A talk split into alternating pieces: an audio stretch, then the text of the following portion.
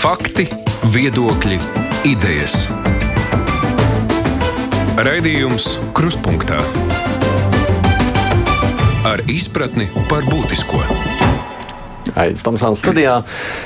Kad 1. oktobra naktī uzzinājām saimnes vēlēšanu rezultātus, nu, šķita, ka šoreiz vienoties par jaunas koalīcijas, nu, tad valdības arī izveide būs vienkāršāk nekā citreiz.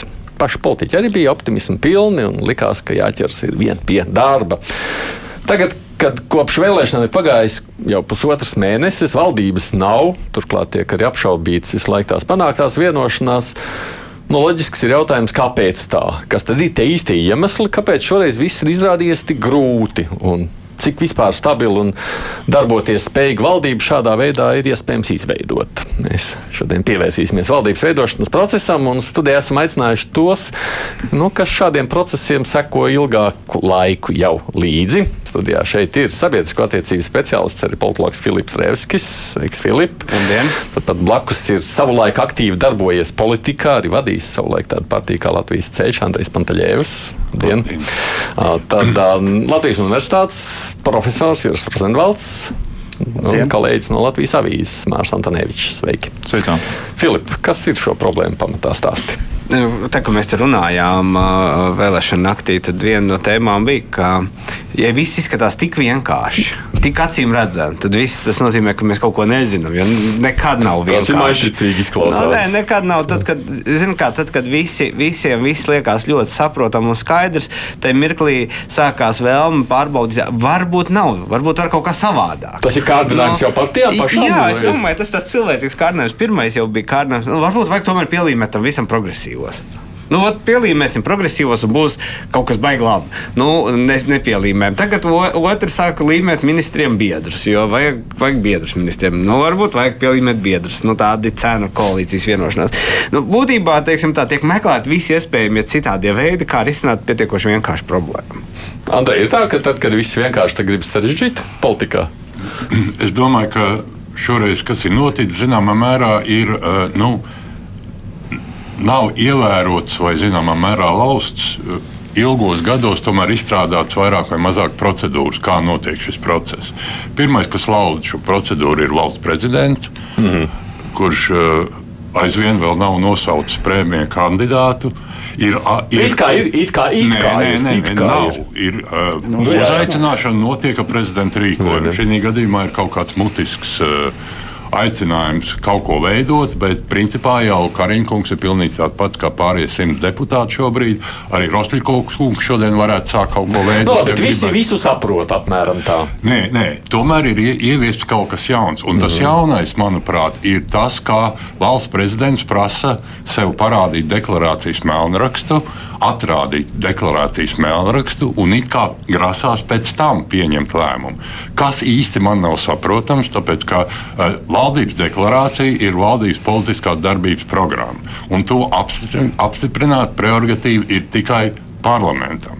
Mēs varam iedomāties situāciju, ka prezidents ievēlēja tādā parlamentā tādas partijas, kas, piemēram, šī parlamentā vispār nav pārstāvētas. No tā izriet, ka prezidenta politiskajiem uzskatiem nebūtu jāatbilst valdības politiskajiem uzskatiem. Un man nedaudz mulsina šī mājas darba atrādīšana.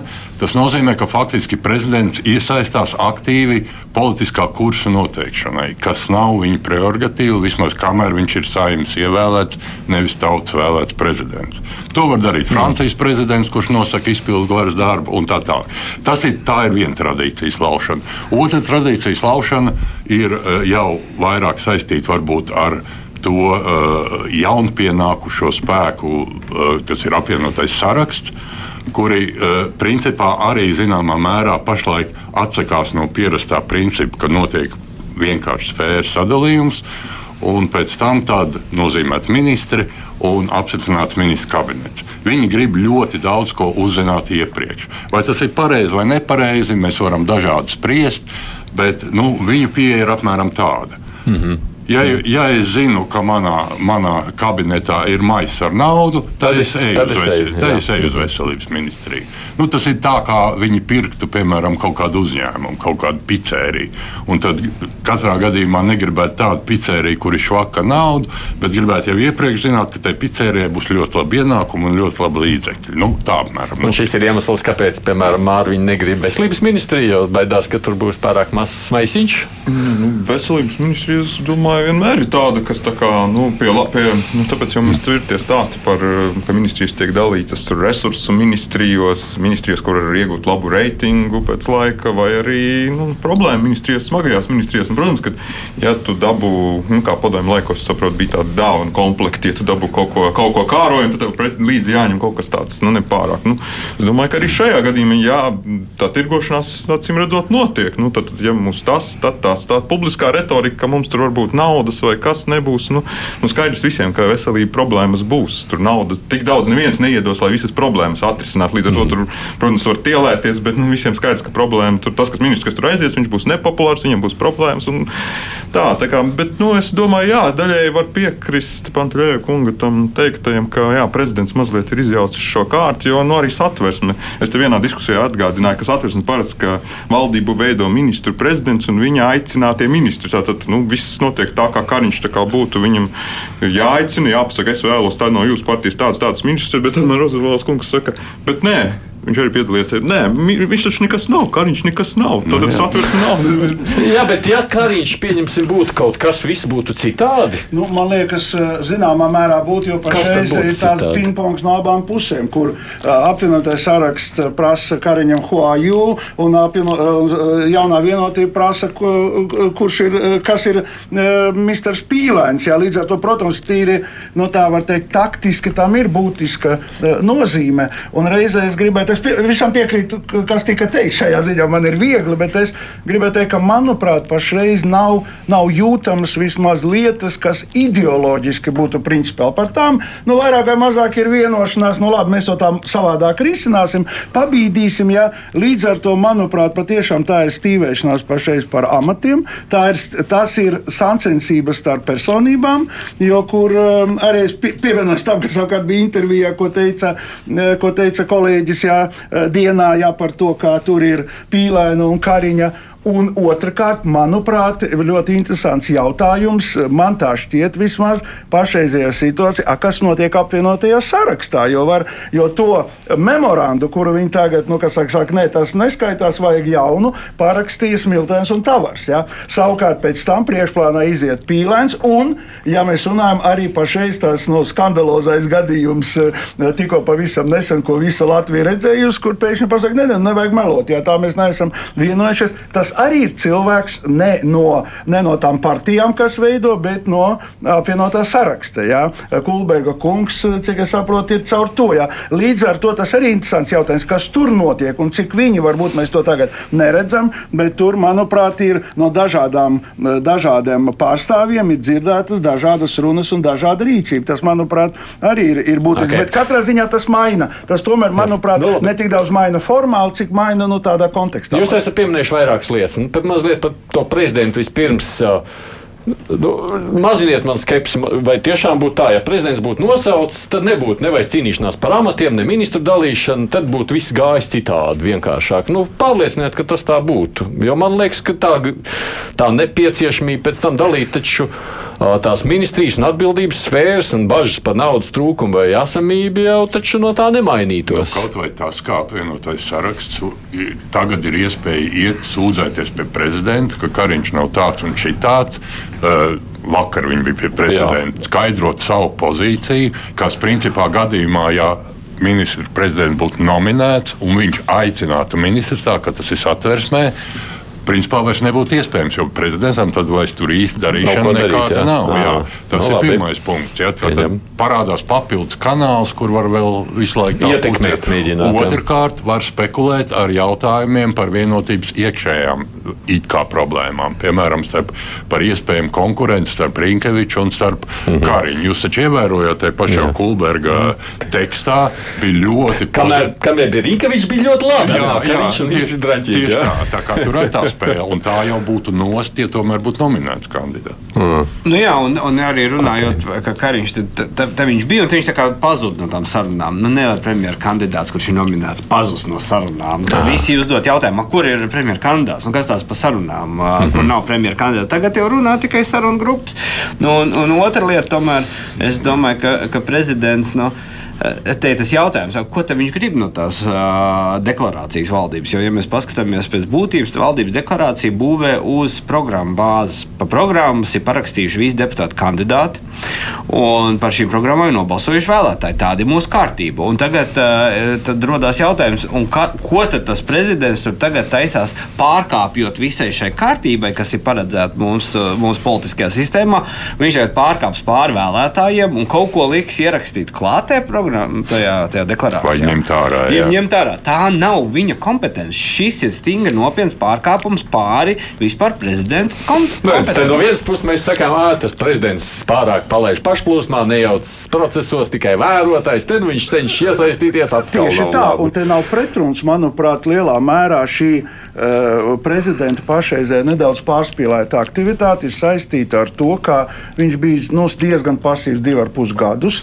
Ja, un varbūt arī tajās, tajos brīžos, kad viņam bija arī satversmes dotās pilnvaras, nu, kas saka, iejaukties procesā, nu, kaut vai nezinu, sasaukt tur ārkārtas ministru kabineta sēdi un teikt, nu, kā tad tā strādāja šai ziņā, protams, uz publiku. Jā, noteikti darba kārtība un tā tālāk. Jā. Un, manuprāt, pašreizajā situācijā faktiski šeit valdību veido patiešām divi cilvēki, tāpēc, ka prezidents, nu, saprotam, to var saprast, domā par to, kas būs vasarā. Jā. Un šajā ziņā, nu, varbūt šī aktivitāte ir Parā, šai aktivitātei mērķis ir parādīt, jā, es šeit esmu, es turu stingri savās rokās, bet reizē nu, tas rada blaknes. Nu, tas ir sabiedrības pieprasījums, man liekas, ka, lai prezidents būtu aktīvs. Nu, tas ir visu laiku okay, labi. bet, lieta, varbūt... bet, bet, šis, bet, šis, bet šī sabiedrības pieprasījums bija arī, par ko liecina, no, tomēr, diemžēl, diezgan zemi reitingi. Bija divi ar pus gadus. Tur jau tā. Es runāju ne par to, kā nevajag prezidentam būt aktīvam. Vasarā viņš domāja, lobējot uh, progresīvos, ja tās būtu vēl desmit balsis. Savukārt, uh, tagad viņš šobrīd, man liekas, šī komunikācija ar vienotību un šī it kā tā neitrāla, viņš četrus gadus ir studējis vienotību vienotību un Kariņu kā premjerministru. Un tagad, tādā svarīgā brīdī, viņš pēkšņi kļūst par neitrālu prezidentu. Nu, es domāju, ka tas ir, ja mēs skatāmies pa nākošo vasaru, tad es domāju, vienotība arī ir daudziem var rasties jautājums, par pa ko mēs balsosim nākošo vasaru. Nu, tā ir. Ja, nu, no otras puses, tās sajūta jau, ka viņš visu laiku saudzes pāri lieku ar kariņu, jau taču bija. Tad, nu, Nav tā. Kā vienmēr nelaikā sa, sarauž šīs. Viņš varēja tās attiecības visādi menedžēt līdz vēlēšanām. Šobrīd ir saima, kura pa viņu balsos. Nu, pirmajā sēdē viņš mēģināja to tikt vaļā no tās, Jā, kā tas, saka. Varbūt tur tiešām varbūt tam nav tā izšķirošā nozīme tieši šim faktam, ka nav nosaukts, nu, ka bez tā nebūtu. Jo, nu, atcerēsimies, pirms četriem gadiem Raimons Vējons bija prezidents. Viņš, principā, to, ko viņam lika priekšā, to viņš izvirzīja un beigās par to viņš dabūja visu kritiku. Nu, ko tu vispār tur sauci tos, nevarēja noskaidrot, vai viņi vispār vienojušies ir un tad kaut ko darīt. Un tur atkal bija tā no otras puses, tagad ir tā kā no otras puses, kā viss skaidrs, vai viņš nenosauc. Nu, vienmēr tik tā būs. Es attiecībā uz, eh, uz eh, kungu gribētu iebilst, jo manuprāt, tieši otrādi eh, ma, mana interpretācija, kur mēs varam strīdēties, protams, ir tā, ka viņš ļoti eleganti novadīja, vajadzīgi bija izvirzot to, kuram cerība nekāda nav bijusi, un pēc tam teikt, nu ko tad jūs? Jā, Bordānam toreiz, kur viņš izvirzīja pirmo, nebija cerības. Tur viņš jau bija deklarējis par uzvarētāju. Tas jau bija akts, tas jā, jau nebija runa par cerībām. Nē, nu, Vējons apmēram tā, nu, pamēģini, pamēģini, kā tev ies. Jā, jā. tas bija toreiz gudri tā situācija. Le, Levits atkal, nu, vispirms nu, visu atnes, visu iespējamo, un tad varēsim mēģināt. Nā, jā. jā, bet jautājums paliek, Kariņš atnes melnrakstu, Levitam nepatīk, kas tad? Viņš sūta mājās pārrakstīt to melnrakstu kariņu. Vai, nu, tā būtu aktīva loma, ja tur tiktu iekļauts arī kāds punkts, kuru prezidents īpaši pieprasa citu saimas tajā sēdē pirmajā atklāšanas. Tur ļoti daudz izskanēja, ko viņš vēlētos. -hmm. viņš var... Bet viņi nav pretrunā tām programmām. To bez viņa viss zina. Viņš atkārtoja to, ko visi tāpat zina. Tā, tā informatīvā drošība, Nē, nu, ja demogrāfija. Ja mēs ejam tā dziļāk iekšā, tad tur starp citu ir punkti par tām reformām valsts pārvaldē, kur Levits runā. Tā kā no tādiem augstiem plauktiem no teorijas, bet partijas to vē, ļoti veikli paņem šobrīd savā vajadzībā. Tas Un ir par valsts ministriem, vietniekiem un tam un Viņš ir tīri teorētiski Nu, pateicis. re, tagad aizējām pie tām konkrētajām lietām, kas arī šajā visā sadaļā ir acīm redzams. Tā pirmā, par vietniekiem, protams, arī pēc brīža parunāsim, bet tā pirmā, ko jau pieminēja, tad Leo kungs ir stāsts par naudas maisu. Nu, proti tā. Nu, tā pieeja, jā, kad nu, pirms mēs sakām jā vārdu, mēs gribam zināt, vai, vai, vai tas precinieks ir tā vērts. Nu, kaut kā apmēram tāda tā ideja varētu būt. Jā, tur es nevaru uzņemties ministrijai, es tur, tur nevarēšu neko izdarīt, tāpēc tādu ministrijas neņēmu. Bet man liekas, tā problēma ir, ka apvienotajā sarakstā tīri idejiski konceptuāli pretrunieki šajā. No vienas puses, pīlēns nāk līdzīgi kā savā laikā šķēle. Ar skaidru programmu mēs vairs neaizņemsim neviens naudu, mēs samazināsim izdevumus, uh -huh. mēs mazināsim budžeta deficītu. Tā ir viena doktrīna. No otras puses, censoņi uh, uh, apvienotajā sarakstā nāk pēc politiskās ietekmes audzēt savu politisko ietekmi, bet politisko ietekmi, diemžēl, politiķi iegūst pamatā tērējot naudu. Tas ir kaut kādā veidā izdalot tādas vai citādas budžeta lietas. Un veselības ministrija šai ziņā ir tāds vis, vis, vissāpīgākais kauls tai pīlēna konceptā. Mm -hmm. Jo no vienas puses viņš saka, mazināsim tēriņus, bet no otras puses viņa paša ministra būs tas, kas nāks un teiks, mums vajag naudu, kaut vai aizņemties, bet man veselībai vajag naudu. Tagad tur ir ieprogrammēta tāda bišķiņa, tāda, tāda, tāda tā kā iekšēja. tas ir iemesls, kāpēc šī stīvēšanās tieši šo Tāpēc, jo paskatieties, ja? Kulbergs arī. Nu, tur ļoti labi, ka žurnālisti viņam pajautā, tā kā Kulbergs teica, laika, laika arī viņš pasaka, mēs nevaram visu atļauties, no kaut kā mums jāatsakās. Un tajā brīdī viņam pajautāja Bertelsonu, nu, bet jūs priekšlikums no kā jāatsakās. Jā, Un tur viņš sāk žagoties, tur viņš īsti neko nevarēja pateikt. Kaut kādas lielas būvs, nu, es nezinu par kādām lielām būvēm. Viņš runāja, tad, tad viņiem nav pašiem īsti skaidrs, no kā Ko darīt. Jo šis ir tas interesantākais moments, kas man liekas parādījās šajā sadaļā. Sakot, Kariņš nu, tur rāda, kur ir nauda. Nav, mēs nezinām, kur ņemt naudu. Apmēram tā. Nu, tā, tā sajūta, ka viņi neko nezina. Viņi gaida visu tādu piedāvājumu tikai no, no, no Bet jaunās es domāju, ka šeit varētu arī atzīmēt to, ka uh, jaunā vienotība samērā gudri izspēlē šo. Jo skaidrs, ka būs vienmēr ministrs, kur vajag naudu un kur naudas varbūt nebūs pietiekami. Ja? Un šajā ziņā viņiem ir diezgan spēcīgs arguments. Viņiem pat mēs paņemam divas. Jā. Mums, mums ir divas, jums ir viena, nu tad jūs gribējāt kaut kādu paritāti, jā, nu tad lūdzu atbilstoši vietām, kur jūs esat dabūjuši. Jā. Nu, nu šajā ziņā es domāju, ka, eh, ka šeit ir tiešām nu, tā bumba eh, ar vienotības, jaunās vienotības pūliņiem ir zināmā mērā apvienotā saraksta, eh, kas saka, laukuma pusē, jā, un ar to kaut kas Jā, jādara. bet, jā. bet, ja runā par tām smagajām ministrijām, nu, pēdējā laikā rodas iespējas, ka tur jāpieskaita arī, lai viņi tika uzskatīti par spēka ministriju, arī iekšlietu ministriju. Jo, nu, tur, Vismaz pēdējais Mhm. ministrs, vienīgais, ko es esmu dzirdējis, nu, viņi nepārtraukti nav naudas. Nu, arī, Nu, bet tur jau tā- arī tā ir pasākumi, tur naudas. slēgšana. Tā kā, nu, faktiski ir divas smagas ministrijas, kur nauda būs vajadzīga, daudz naudas. Tā kā tā budžeta apzināšana, protams, bet tas tā interesanti ir. Nu, cik, kā, tas, kā to budžetu apzināt? Nu, Ne, bet- nu, man liekas, ka tā, vai, tas process ir tik sarežģīts, to visu to vajadzētu Nē, nē, apzināt bet jau pirms Pirmkārt, viņi paši taču var piedalīties. Ja viņi sastāv valdību, tad skaidrs, ka valdības izskata arī nākošā budžeta pēdējo redakciju pirms nonākšanas saimā. To viņi paši var darīt. tā kā Tur, tur tas ir iespējams. Un otrkārt, nauda nevienmēr tā automātiski tiek pies, piešķirta. No ministra tiek sagaidīts zināmas reformas, un tad zem tām reformām var saņemt naudu. Nevis tā kā vienkārši ir nauda, un tad es atnāku un domāju, ko es šeit darīšu ar to naudu. Man liekas, ka Kulbergs šajā Jā. daudz pieminētajā jau sarunā lietoja kariņu izteicienu apgrieztu naudu. Tas ir tik maz, kā nekad nav bijis. Jā, jā, jā. nu, droši vien, ka viņi lieka nemētājas apkārt. Bet no otras puses, tā pieeja, vispirms, nu, jau tev ir lielāka skaidrība pirms tu valdību izveido. Varbūt ka tā ir laba pieeja. Viņiem, ne, par naudu vienmēr var parunāt. Tas ir ļoti svarīgs moments. Viņi ir bijuši arī, viņiem bija seminārs pagājušā sestdienā. Uh, Latvijas televīzijā rādīja, nu jā, veselības ministrijai krītoši finansējums pēc Covid. Covid naudas beidzās, tur samazinās finansējums. Jā. Loģiski, paskatoties uz to līkni, tu saproti, wow, wow, nu, ministram nebūs viegli. Bet tā jau varam paskatīties. Arī satiksmes ministrija, kas vienmēr bijusi resursu ministrija, tur ir Baltikas tūlītās nāks pēc naudas, tur dzelzceļā jāatlaiž cilvēki. Tad jau paskatās, nu, tad mums ir tikai viena ministrija reāli, kur mēs varam runāt, kas ir interesanti. Tā ir Aizsardzības Un ministrija. tur uzreiz tiek radīts uzreiz ķeblīts. Pasēdēsim kopā pie aizsardzības. Jā, bet- Un parunājot par būvēm, es atvainojos. Uh, lielākais būvnieks šobrīd ir aizsardzības sektors. Jā. Jā, poligoni. Pats, visi grib aizsardzības ministriju tagad. Jā. Bet es gribētu arī atzīmēt to, ka, ja mēs runājam par nu, vērtējam, ranžējam, kuras ir grūtās, es tomēr gribētu atzīmēt, ka faktiski visu šo partiju, kas ir pašreiz valdošajā, nu, potenciāli valdošajā mm. koalīcijā, varētu būt visu rakstīts iekšliet, iekšējai drošībai, tur 2,5%. Ja šajā ziņā varbūt tas ir tāds, kas pilventiņš apakšā kas nav ne izglītībā, kur arī tajā deklarācijā tā ļoti miglaini pateikts, ja nav, nav labklājības, bet šajā ziņā šeit ir. Jā, jā, varbūt, kā, tas, ir, kas to, to, to, jā. to, kas saka, tās zāles padara mazāk. Jā, bet tad ir jāsaka, jāsaka sačifrējumi. Nu, ne, nu, protams, drošība, ko mēs ar to saprotam? Jo, nu, tur ir ļoti sazrota, tur ir robeža, tur ir policija, ugunsdzēs, nu, tad kur, kur, kur aizsardzības uz ko mēs liksim uzsvaru? Visam visiem nebūs. Tieši tā. Bet, nu, ir skaidrs, ka acīm redzot, iekšējais ministrija apvienotiem sarakstam ir pareizi atroties piedāvājumi tiek. Jā, kas nozīmē, ka nu, viņi vismaz tiek likti kā prioritāri šajā reizē. Turpat laikam arī visi pārējie partneri ir par to.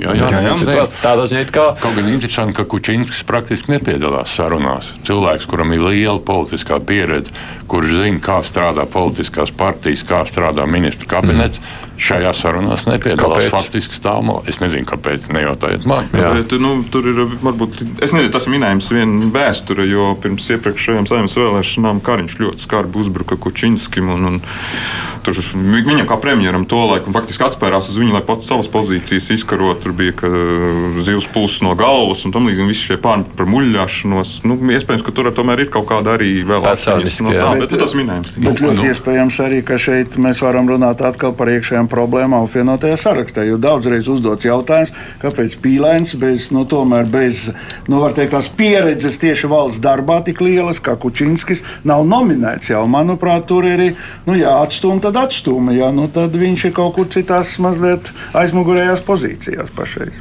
Tā var. Bet to var tikai minēt, protams, mēs to nezinām. Nu, labi, pie otra, pēc tam par apvienoto sarakstu parunāsim. Pie otra tā sadaļas, nu, tie tie vietnieki. Tu saki, ka tās vietnieki tikai tāpēc, lai dabūtu tikt pie tā labākumos vai otrādi? Padalītos ar slikto. Nu, es tā kā neesmu dzirdējis, ka būtu kaušanās par vietnieka vietu veselības ministrijā. Runa ir šobrīd pagaidām tas, kas ir izskanējis. Pirmā vietnieks aizsardzības, tad otrs bija, ko es dzirdēju, kaut kur bija ekonomikas ministrijā, ka vajag vietnieku.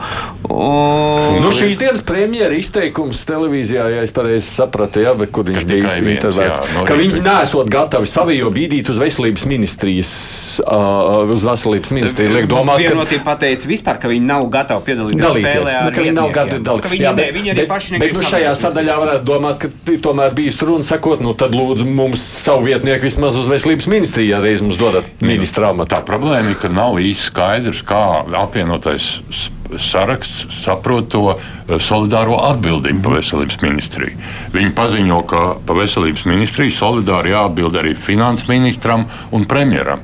Un nav saprotams, kā viņi to domā. Vai tad tur trīs ministri sēdēs tagad tajā veselības ministrijā. Realitāte jau īstenībā ir solidāra atbildība līdz šim. De facto jau viņi ir, un ministrs prezidents ir solidāri atbildīgs par visu. Tāpēc tā papildus prasība, ko Smiltēns pēc uh, Kulberga pēc tam skaidroja, ka viņam ir tā starpvienošanās, tikai problēma ir veselības ministrija, bet vajag solidāru atbildību no finanses ministra un premjera. Nepaskaidrojot, kāds tas mehānisms varētu būt. Jā. Ko jūs sakāt par vietniekiem? Tā ir tāda jauna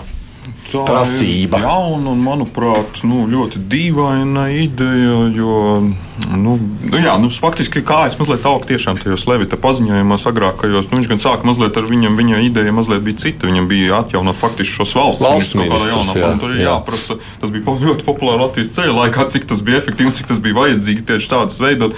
Bet nu, kaut kā mēs esam pieraduši, ka mēs visu laiku arī partijas iet uz vēlēšanām ar stāstu par kompaktu valsts pārvaldu, ka visu vajag centralizēt un viss jāpadara taupīgas. Nu, Starp citu, apvienotais saraksts, kas tagad pēkšņi, kuram pēkšņi radušās šie vietnieku ideja, e, viņi taču arī sākumā, kad, bija, kad tika izvirzīta ideja par klimata ministriju, mm. viņi teica, nē, nē, tas būs birokrātisks sloks, to būs lieki tēriņi, nevajadzīgi. Mm -hmm. Viņi mhm. tieši bija tādi, kas lika izskatīties, ka viņi jau neļaus šo valsts pārvaldi izplest. Tagad viņi paši gandrīz vai te, mēs te bijām ministrijā, jā, jā, jā, kaut ko saviedosim jaunu samatus. Nu, manuprāt, viņi pilnīgi tas tēls ir mainījies, kāds viņš bija uh, oktobrī pēc vēlēšanām, kāds ir tagad. Tagad viņi ir tie bremzētāji, jau parādījās tas joks par apvainotais saraksts, nu, pārrakstīšanās, kas sociālos tīklos populārs, par kaut ko apvainojas, piedāvā kaut kādas jaunas idejas, kuras sabiedrība nesaprot. Tā kā es domāju, ka šī, šo ideju viņiem būs grūti pārdot. Tas būs tīri kaut kāds politisks darījums, ja tas notiks. Manuprāt, apvienotais saraksts ir savā ziņā nokļuvis savas retorikas tādā, nu, kā slazdā. Jo, redziet, ja mēs viens no galvenajiem pārmetumiem, kas visu laiku bija no viņu puses eh, Kariņam, nav izlēmīgs, nav saka, bijis dispečers, nav tā. Eh, bet, bet tai pašā laikā no apvienotā saraksta visu laiku skanējis tas mēģinājums kaut kādā veidā blakus premjerministram, kuram patiešām, nu, es pilnīgi piekrītu, nebūtu, ko tie vietnieki darīs, ko nozīmē solidāra atbildība vai solidāra atbildība līmeni zem premjerministra. Tas nav īsti skaidrs, jā, bet šajā, šajā gadījumā man liekas, ka, eh, ka tāpēc arī parādījās tādi nu, dīvaini priekšlikumi par to kaut kādu padomi pie, saka, pie premjerministra. Jā. Manuprāt, tas ir no vienas puses mēģinājums, vien bija pārmetums, ka nav pietiekami aktīvs, un no otras puses tas mēģinājums tomēr nu, tos sviras varbūt pēc iespējas robežas no, pēc iespējas no viņa rokām izņemt. Un, manuprāt, tur tas tā dīvainā retorika tāpēc, tāpēc arī, arī, arī, arī, arī parādās. Nu, tas beigsies ar ko jūs prāt? Ar valdības izveidošanu. Jā, jā. Nē, nē, es domāju, tiem ministriem, vietniekiem. Es domāju, ka nu, kā, nu, vienotība to ir diezgan precīzi noformulējusi, ka viņi uzskata, ka tā ir cena par vienošanos, vienoties vajag, tad līdz ar to viņi gatavi kā, kā partneri samaksāt šo cenu par vienošanos. Nu, tagad jautājums ir, nu, tā bumba ir iemesta apvienotiem sarakstam, ja viņi ir tiešām visiem skaļi pasaka, ka viņu cena uz vienošanos ir vēl uztaisīt ķēbļus, nu, viņiem tā teikt, vi, viņiem ir pamesta kārtīgi. Es gan no kā viņi tā nesapratu, ka viņi gatavi tur visiem atdot, un, lai taisa tos vietniekus. Vienu vietnieku. Vienu, vienu, jā, par vienu ir skaidrs, nu, bet par tām pārējām ministrijām. Pārējām tas jau ir, zin, kā atkal sarunas. Nu, es no Kulbergs sapratu, ka viņam jau tur gribas ļoti daudz visās praktiski ministrijās. Nu, es domāju, ka tur būs vienotība pirmā, kas teiks, ka viņu ministrijā viņi negrib vietniekus. No, tā, nu, zin, kā, bet tur jau ir atkal partneru saruna.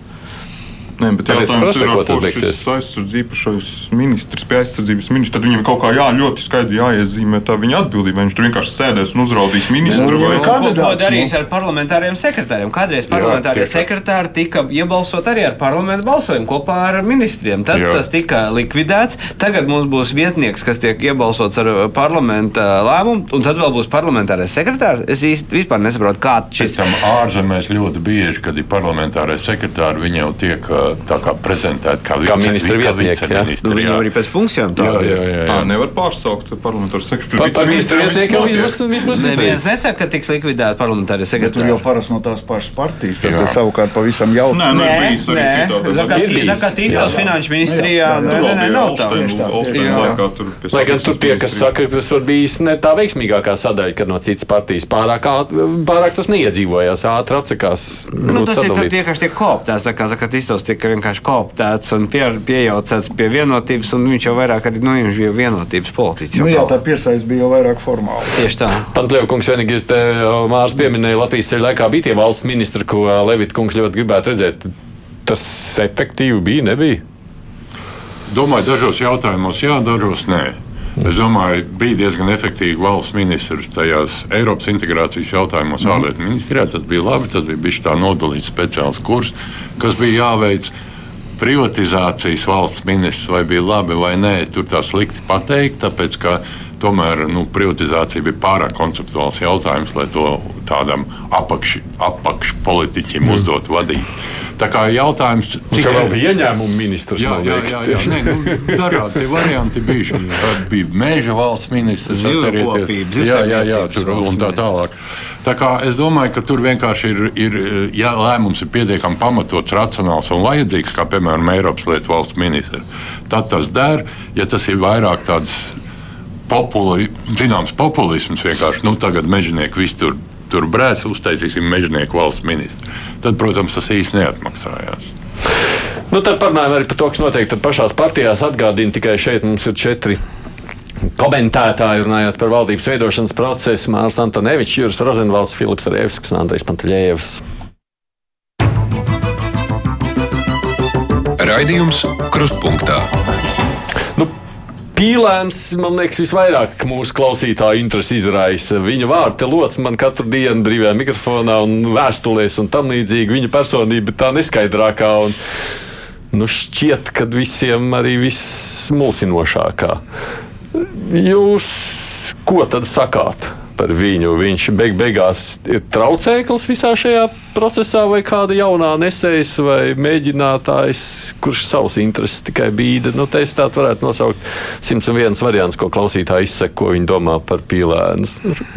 Nu, sakot klasiķu vārdiem, garains, kas veicina vārīšanos, uz kuru pusi tā vārīšanās notiek un cik produktīva tā vārīšanās ir. Bet katrā ziņā viņš ir tāds, ka, kā lai saka, tas uzbudinātājs visam šim procesam. Jā. Nā, Bez viņa valdība būtu izveidota jau. Uh, nu, bet mēs bez viņa, es domāju, vai būtu apvienotais saraksts. Tas ir cits jautājums. Vai viņam pēc vai sarakstam būtu 15 vietas parlamentā? jā, vai būtu 15 vietas parlamentā. jo, jo, man liekas, ka jā, nu, pīlēns tomēr, nevar tā teikt, tā, kas, kas ir pīlēns. Nu, viņš jā, jā, ir nu, faktiski zināms, simbols arī šim apvienotajam sarakstam, kur tās partijas kopā sanākot. Es domāju, nu, ne tu, ne dabūt tādu rezultātu, nevarētu pasniegt ceļu kā kaut kādu jaunu spēku, kā šajā gadījumā tas daļai izdevās. Tāpēc, protams, viņa loma ir, varbūt, nu, viņam ir kaut kādas savas ambīcijas ilgstoši ir strādājis pie šī sava tēla. Viņš ir, atcerēsimies, grāmatu rakstījis, mans uzņēmēja kods, viņš tur ir dažādās iniciatīvās bijis ar Juri Rubeni kopīgi. Viņš tā kā veidojis šo tēlu, ka viņš ir tāds uzņēmējs, intelektuāls, nu, un arī te viņš noteikti grib kaut kādu nozīmīgu lomu spēlēt. Un noteikti nav arī izslēgts, ka viņš sevi redz kaut kādā premjera amatā nākotnē vai kaut kur citur. Ļoti pretrunīgs tēls veidojās tagad par viņu. Nu, tas ir jautājums tiem klausītājiem. Jo, redz, man liekas, ka viņš ir tāds kontroversāls tēls. Tie klausītāji tev noteikti arī noteikti ir tādi, kas viņu atbalsta, un noteikti tādi, kas saka, ko viņš tur jauc gaisu. Nu, vairāk jau pret nekā pārteicis. Es domāju, tieši no pēdējā laikā, jo, Jā, pēdējā jo vienkārši Pīlēna kungs tika konfrontēts ar politiskās dzīves realitāti.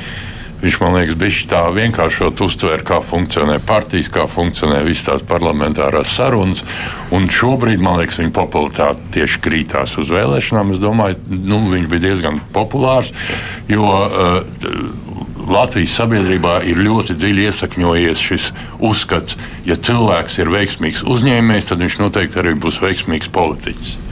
Es, piemēram, domāju, ka tā nevienmēr ir. Ja, uzņēmumu vadīt nav tas, vai biznesa vadīt nav tas pats, kas valsti vadīt, vai, vai, vai sociālo resu, re, e, kaut kādu resoru vadīt.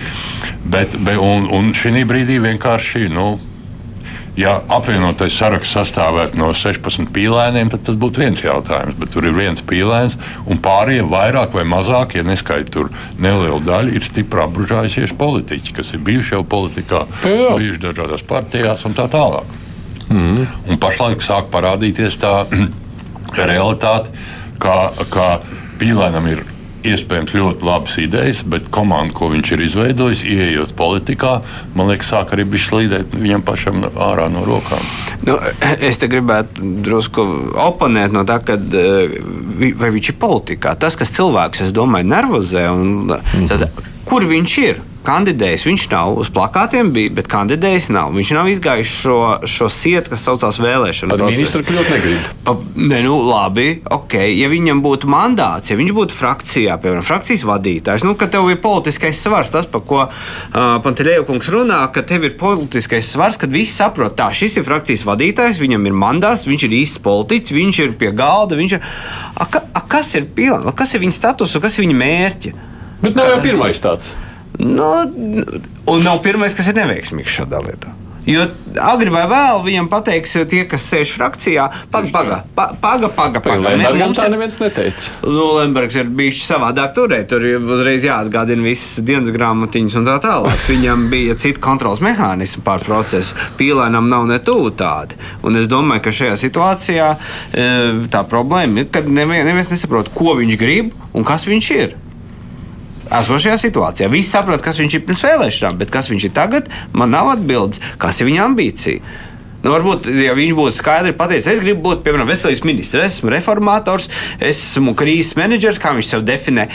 Krīze ir veselībā, es gribu būt veselības ministrs, tad būtu pilnīgi savādāka uh, situācija. vai tad ir kaut kas atsaukts, vai tad apvienotais saraksts pateicis, ka mums premjeras, mums bija premjera kandidāts, bet mums vairs tas premjera kandidāts nekāda, premjera amats nekādā veidā, nekādos apstākļos nevis, viņš ir nākamais aiz skariņa, Nu, kurš, kurš kā teiksim, es dzirdējis vairāk, ka visi visu laiku burbuļo par tēmu Rinkeviču. Nu, Un es un tad neesmu dzirdējis, ka apvienotais saraksts pasaka, ka jūs dzirdējāt, kāds paziņo, varbūt es palaidu garām, ka viņi pateikt, tā, šī te nekas neiet. Tā mēs virzām pīlāni, mēs tur sākam nevar- sarunu. Mēs sākam sarunas. Tur nedrīkst pārsteigties.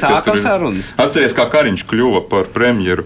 Viņš bija nevis pirmais, nevis otrais, pat ne trešais un Viņš ne bija ceturtais. Viņš bija zi, zīle un pabriks Ā, nu, uh, atteicās jā, no jā. šīs Jā, jā, iespējas. jā. Un tikai Jā, jā, piektais bija piektais, Kariņš.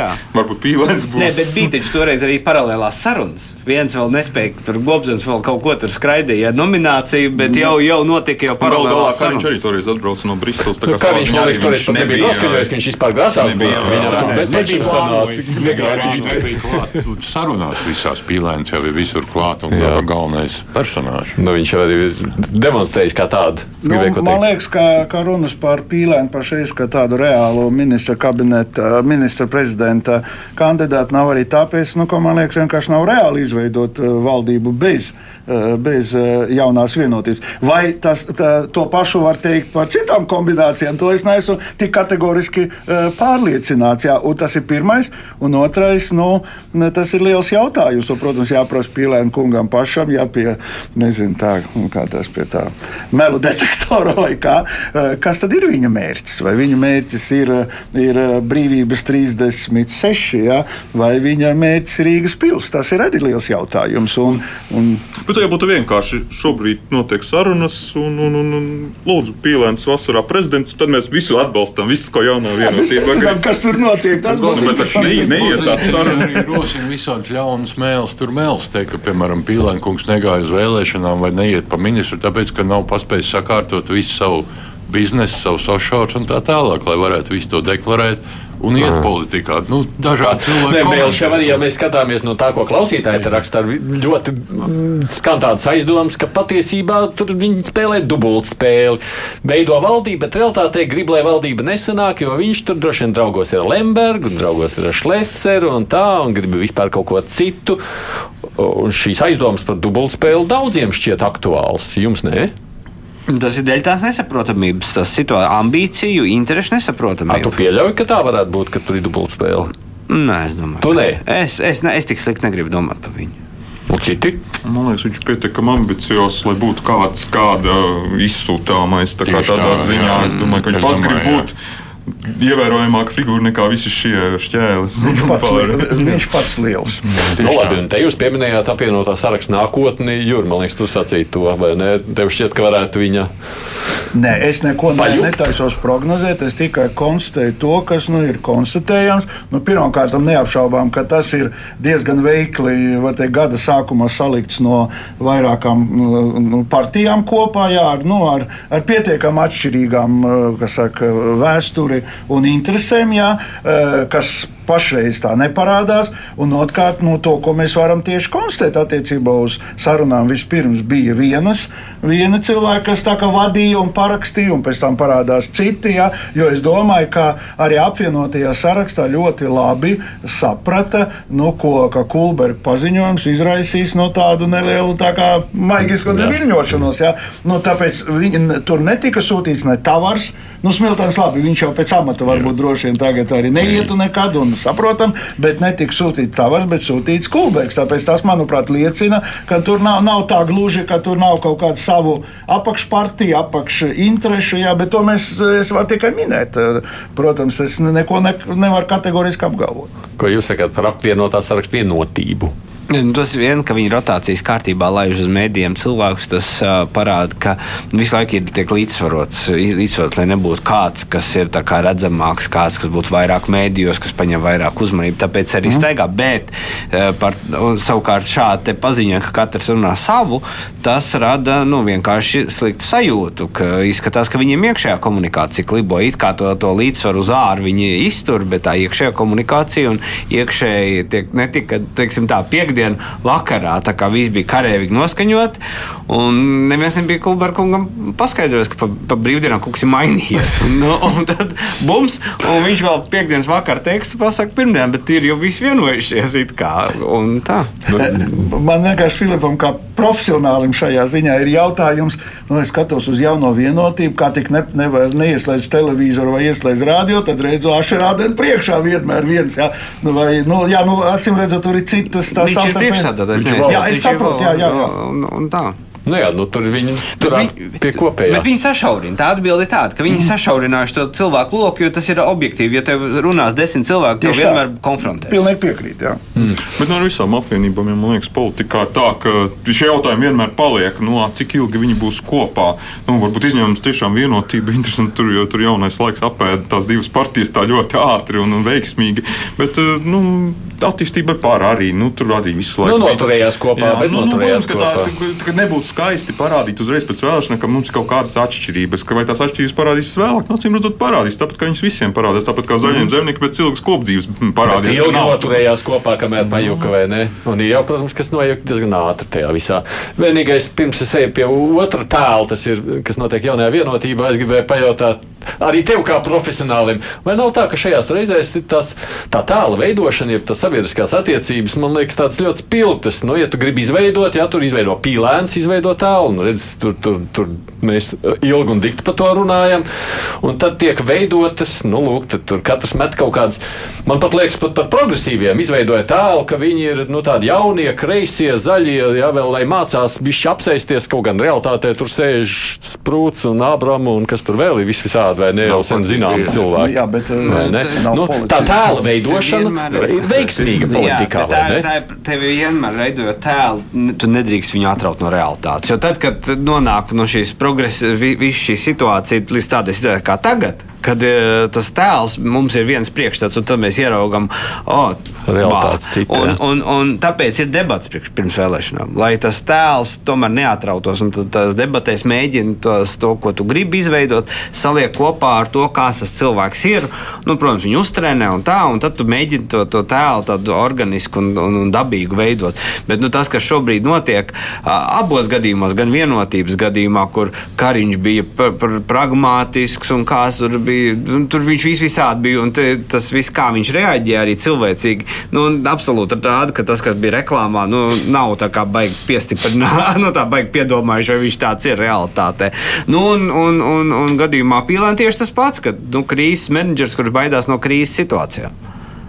Mm. Nu, tas ir tā kā kaut kā Vai ne? tāda. Nu, jā. Nu, tad savukārt par Kariņu. Laikam mazliet paralēli Rinkevičs te jāpiemina klāt, jo reiz vismaz apvienotais saraksts mēģina tagad viņus pašķelt, sakot, nu redz, te viens labais un viens sliktais viņiem ir.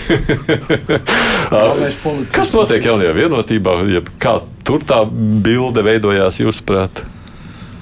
Es domāju, ka tur viņiem ir iekšēji tā problēma lielā. Nu, paskatāmies, cilvēcīgi. Kariņš ir četrus gadus nostrādājis bez varas parlamentā. Nu, viņam parlamentā bija gaužām švaks tās kārtas, un viņam visu laiku nācās uh, locīties starp, starp visiem šiem spēkiem, kas tur bija tajā jaukajā uh, koalīcijā. Nu, tagad viņš beidzot ir uzvarētājs. Vārdi vistiešākajā, un Latvija vienmēr, vienmēr sauc mm. saskaņu par uzvarētājiem. Viņiem ir, tagad viņi ir lielākā frakcija, uzvarētāji. Viņš ir kaldinājis šo uzvaru. viņš tagad grib parādīt, ka. Uh, Viņš var, viņam ir fra- par akcijā un partijas biedri. Es domāju, tieši tāpat jūtos. Nu, mēs tagad valdīsim. Bet īstenībā 26 mandāti bija pamāts. Par maz. Pamāts. Jūs sajūtat to skatoties pārējie? Nē, nu, es domāju, ka arī grūtības viņam var sākt rasties ar pašu frakciju. Jo tieši tad, kad frakcija bija maziņa, viņi bija diezgan viegli vadām, vismaz, jo viņi bija atkarīgi tiešām no kariņa sarunām ar citām. Tagad es domāju, es nezinu, bet es domāju, ka arī tie jaunie vēlētie vienotības biedri, nu, viņi arī grib kaut kā plūkt tos uzvaras laurus. Un Kariņam var rasties arī problēmas pašam kaut kādā periodā pašam ar savu frakciju. Tā mēdz notikt. Tā mēdz notikt, jā. Nu, līdz tam laikam vēl tagad tas nebūs. Bet man liekas, ka Kariņš slikti izskatījās. Nu, ne pārāk labi izskatījās oktobrī, kad viņš tur mēģināja. Nu, tā kā runāt, un citiem tas neapmierina. Tas idejas, viņš mēģināja ar ultimātiem, ar kaut kādiem kategoriskiem, un tad viņš tā tāds likās, ka tāds, nu, tagad te, te diktēs noteikums tāds mazliet, bet tagad pēc, pēc šī tam, kad notika viņa memoranda parakstīšana, nu, viņš izskatās pēc tāda konstruktīva, kurš tā ir jau, jau mm -hmm. gatavs visam, un tagad viņš strādās un darbam, un tagad apvienotiem sarakstiem tas, tas bremzētāju un, un grāvēju tēls. Man liekas, ka nebija īsti labi tas viņa jaunais tēls oktobrī, kad viņš mēģināja cirst dūri galdā, tur pieprasot to koalīciju ar progresīvajiem, bet viņš to, to, to nu, pamazām tas tika atrisināts. Un, un tā kā šobrīd jaunajam, tāds tēl, jaunajai vienotībai tēls varbūt ir diezgan labs. Tā. Eh, nu, man liekas, eh, es varu piekrist, ka ar laiku varētu rasties problēmas ar tiem 26 cilvēkiem, kuriem katram savas ambīcijas, bet es domāju, ka arī jautājums tika uzdots par Rinkēviču, ka vismaz tuvākajā laikā nekāda drauda no Rinkēviča eh, Kariņam nedraud, jo, manuprāt, pati Rinkēviča pozīcija patiešām, nu, nu, ja tā labi padomā, vispopulārākais ministrs, jā, kur turklāt joma, kurā pašreizējā situācija nedraud ar kaut kādiem nu, nepatikšanām, jā, tieši otrādi ka viņš gūst punktus arī sabiedrībā. Ja? Un es stipri šaubos, ka ir kaut kāda vēlēšanās tagad kļūt par to labo policistu, kā viņu mēģina izspēlēt. Ja? Nu, ar Kari, ar uh, Rekeviču viss bija kārtībā, atnāca Kariņš un viss sajaucās. Vai otrādi aizgāja mm. Kariņš un tad kļuva labi. Ja? Tāpēc es domāju, ka, eh, ka tie jautājumi, eh, visi, kas saistās ar vienotības vienotību, nu, tie ir nākotnes jautājumi. Nu, bet Rinkevičs kā diplomāts varbūt sarunās arī tiešām ir labāks nekā Kariņš. Uh, nu, es, es, nedomāju, ka tur būs tāda rokāda obligāti. Jā. Nē, bet kāpēc, ziņā... tāpēc, ka viņu, viņu runātāji saka, ka, ka Rinkevičs ir vieglāk. vieglāk. Nē, viņš ir ļoti spilgts, manuprāt, ārlietu ministrs. Un, un turklāt es gribētu teikt, ka man ir cieņa par Rinkeviču, ka arī pašreizējā no tādā saspringtā situācijā iekšpolitiski. Viņš bija tas, kurš teica, mums vajag pilsonisku nāciju, un teica, ziniet, un pagaidiet, pagaidiet, nu neskrieniet, neskrieniet, kas saka, nu, būsim mierīgāki. Ja? Un, manuprāt, par to viņam noteikti pienākās, pienākās, pienākās cieņa to, ko, ko viņš teica, un kas ir ierakstīts arī vienotības programmā. Ja? Tāpēc es domāju, ka nu, visa cieņa ir Rinkevičam šai ziņā. Nu, vienīgais maza tāda nianses, tam mēs ļoti daudz nepievērsīsimies. Nacionālā apvienība šobrīd ir visveiksmīgākā šajā Viņi ir tādi samierinātāji, gudrie mēģinātāji. Kā vienmēr, mierīgi noskatās, kā cits locās un, un ir stabili savā. Un es domāju, ka viņi arī nav neapmierināti ar to piedāvājumu. Viņi ir, kā... Viņiem ļoti labi, ne? Jo pēc vēlēšanām, ja, ja es tādu salīdzināšu, kas man bija brīvajā mikrofonā, pārsvarā kritikas bija Nacionālajai apvienībai. Mhm. Tad turpat nu, pats Nacionāli šeit sāk uztraukties par to, ka mums te organizējam, laikam, zvans, kas visu laiku lamā viņus. Apmēram tā tā sajūta. Tagad, redz, viss ir mainījies. Nu, jā, redz, sākumā bija tas stāsts, ka jaunā vienotība viena un tie abi Nacionāla apvienība un, un, un, un, un apvienotais saraksts bloķējušies. Tagad kaut kā vienotība ir to nacionālis dabūjusi tā kā atšķērusi. Viņiem bija mērķis uh, progresīvos, viņi izmet ārā, tas un tam tandēm vairāk nekā viņi parāda, ka viņi spēj sarunāt, izpildu mūsu sarkano līniju un viss, mēs jā. tālāk esam konstruktīvi. viņi visu laiku ir konstruktīvi. Cik tā tikai skaties, no kuras puses skat. Okay. Bet eh, skatoties uz to, kas tur tālāk notiek, nu, sarunāts jau ir diezgan arī tā paša Kulbēka sacītais, ka viņš kaut melo, viņš tikai melo vai ne, un tam līdzīgi tu domā. Bet Nu, labi, kā tu viņi tālāk grasās strādāt ar šādām savstarpējām attiecībām? Pat ja viņi izveidos, tu saki, izveidos valdību, droši vien, ka izveidos, kur te viņi liksies vai ne? Un kas tur sanāks no šāda veida savstarpējas neusticēšanās? Es domāju, ka Jānis apvienība būs lielais ieguvējs, jo, jo tomēr, ja mēs paskatāmies, viņi strādāja četrus gadus, uz viņiem galu galā Kariņš varēja baigt paļauties. Tā pagājušos četrus gadus, izņemot kaut kādas dažas kaut kādas lietas, kopumā viņš varēja paļauties. Viņi skaidri arī pasaka, ko viņi negrib. Tas ir baigi svarīgi spēlē, kad tu zini, ko gribi, bet tu arī skaidri pateiksi, ka šī ir sarkanā līnija, tur nekāpjam pāri. Un es domāju, šajā situācijā, es domāju, ka viņu svars, viņi ir mazāki pēc Jā, mandāta skaita saimā, bet es domāju, ka viņi būs smagāki par apvienoto sarakstu stabilu šajā koalīcijā, jo, jo viņiem būs arī cilvēciskais kontakts. Ziņā, kā varēs paļauties vienotību. Es domāju, ka nu, mūsu perspektīva ir tāda nodrāsto teicienu, var teikt, nu, būs attie, attiecība. Valdība viņu visdrīzāk izveidos, bet attiecības starp jauno vienotību un apvienoto sarakstu būs nu, draugu terārijas, jā, kur nu, tā kā ik pa brīdim, bet tā pašā laikā, nu, tad, kad, kad, kad Filips runāja par Nacionālo apvienību, es arī piekrītu, viņi iegūst, un viņam mazliet tā kā ķīniešu taktika, ja sēdēt uz uzkalnu un gaidīt, kamēr tur kas saka, kaut kas notiek. Es negribu teikt, ka naidnieka līķis aizsver pasarg Dievs, bet nu, kaut kas notiek, un tad mēs atnāksim un pateiksim, mēs esam klāt, un mēs esam tie konstruktīvie, pozitīvie un, un tā tālāk. Mm. Būs. Gerhards atkal būs ministrs, vai ne? Nu, Tāda viss Nacionāla apvienība vēl nesaplēsīsies. Nu, vismaz es pats biju diskusijā, kur uh, vienotības pārstāvi teica, ka viņiem uh, nu, nav nekādas pretenzijas, ka ir ministri, ka tas, ka tas ko Kariņš teica, ka tas attiecās Uz uz neijā, bet nu, kaut kā ka uz citiem tas neatiecās. Uh -huh. Sapratu, viņam ir varianti arī, ko satiks ministrs Mitrēvits uzvārds izskan, tā kā nav obligāti redzēsim. jā. Bet tas strādāties, cik ilgi tā varēs, jūs prāt, ar visterāriju, kā tad tika Nu, Pagaidiet, pieminēts? visi, visi atceries, kad uh, pirms pēc iepriekšējiem, kad izveidojas iepriekšējā valdība, tad viss teica, no tāds brīnums, kas tur izveidots, nu tas tur nebūs uz zilo. Tur pusgads, nu labi, gads maksimums ir četri gadi rekords. Nu, tā kā, ko mēs varam te Nav tagad ko tvilst, pateikt? vēl. Var jau būt, ka katra liekā diena sarunās tomēr strādā uz to, ka tā valdība strādās ilgāk. Stabilāk, jā. Jā, nu, var jau būt, ka arī nemaz nevajag tā pa galu, pa kaklu skriet šobrīd. Salikt punktus uz īņu. Bet pateikt, ko negrib. Tā Jā. kā Filips saka, lai ir skaidrs, ko, viņi, ko tas grib, ko tas negrib. Jā, Bet, bet man atkal liekas, ka tomēr ir viena būtiska atšķirība no uh, Kariņa valdības 13. Uh, sājumā. Nu, tur tik tiešām nebija citu variantu. Jā. Nu, te tika kategoriski apgalvot, ka kaut kas nevar mainīties. Ja pēkšņi, nu, piemēram, tie paši zaļie zemnieki nepamodīsies un teiks, nu, jā, nu, mums bija tāda, kas saka, tā sanāca. Jā. Mhm. Mums bija aivars vajadzīgs vienu brīdi, bet mēs tādu O, Kad ir Aivaram nākamais tiesas? Tas ir ja viņi iesēdz cietumā, zemnieks saka, nu neko, nu, tā mums jāatsakās. Jā, no- jāatsakās. Bet, bet katrā ziņā es gribētu teikt, ka eh, no vienas puses es arī piekrītu, ka šādā veidā viņi var noturēties ilgi, bet no tie citi varianti nav pilnībā izslēgti. Nu, te nav tā, kā bija agrāk, kur, kur vairākas tās partijas, kas bija valdošā, teica, ka šeit ir sarkanās līnijas un mēs par ko. Ja? Nu, tomēr nav tā tik, tik, tik kategoriska situācija. Mm. Nu, un tad ir cilvēciskais faktors. Tomēr es uzskatu, ka Kariņš ir nogurs un objektīvi viņam vajadzētu būt nogurušam pēc četriem gadiem. Viņš pats teica, ka nē, es viņam prasīju, nē, nesot nemaz no Nu, jā, bet nu, tā iedomājamies, viņa vietā ir. Un es domāju, ka tā perspektīva, kas ir saistīta pēc pāris gadiem ar komisāru Jā. nomaiņu no Latvijas, var arī ietekmēt kaut Tas kādā var veidā. būt elegants veids, kā Jā, jā. paiet malā. Viņš Bet labprāt Rīkevičam viss atdod sāksies no savu vietu, jā. Piemēram, jā, piemēram. Nu, Eiroparlamenta vēlēšanas arī būs. Bet beig, beigās. ā, Tagad, pārskatot, un man būtībā tikai viena minūte, tagad pārskatot šo visu, nu arī tās budžeta lietas, un tās sarunas būs, un tur mēģinās kaut kā to naudas sadalu sadalīt. Beig, beigās, uh, nu, tad mēs tādā jau varētu sacīt, pirms valdības veidošanas zināsim, kas notiks apmēram ar lielām mērā naudas izsadalīšanu. Jau. Ne visu, bet jā. Jā. Nu, vismaz par nākošo gadu, jā, bet tā kopumā es domāju, nē, tas nebūtu tik viennozīmīgi. Jā.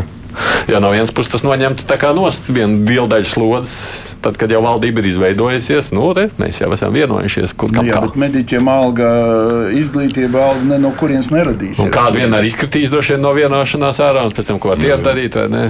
Viss, laikam, tā kā tur nebeidzas. Paldies jums, ka atnācāt. Tā mēs runājot par valdības veidošanu. Šoreiz runājām ar četriem cilvēkiem. Andrejs Pentļevs ir ekspolitiķis, savu laiku arī pats vadījis partiju.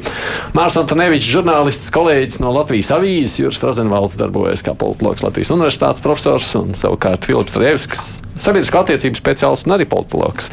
Paldies jums, ka atnācāt šeit. Kruspunktā šodien izskan producents Tevi Junām un raidījumu vadīja Vēstsaidas Tomsons.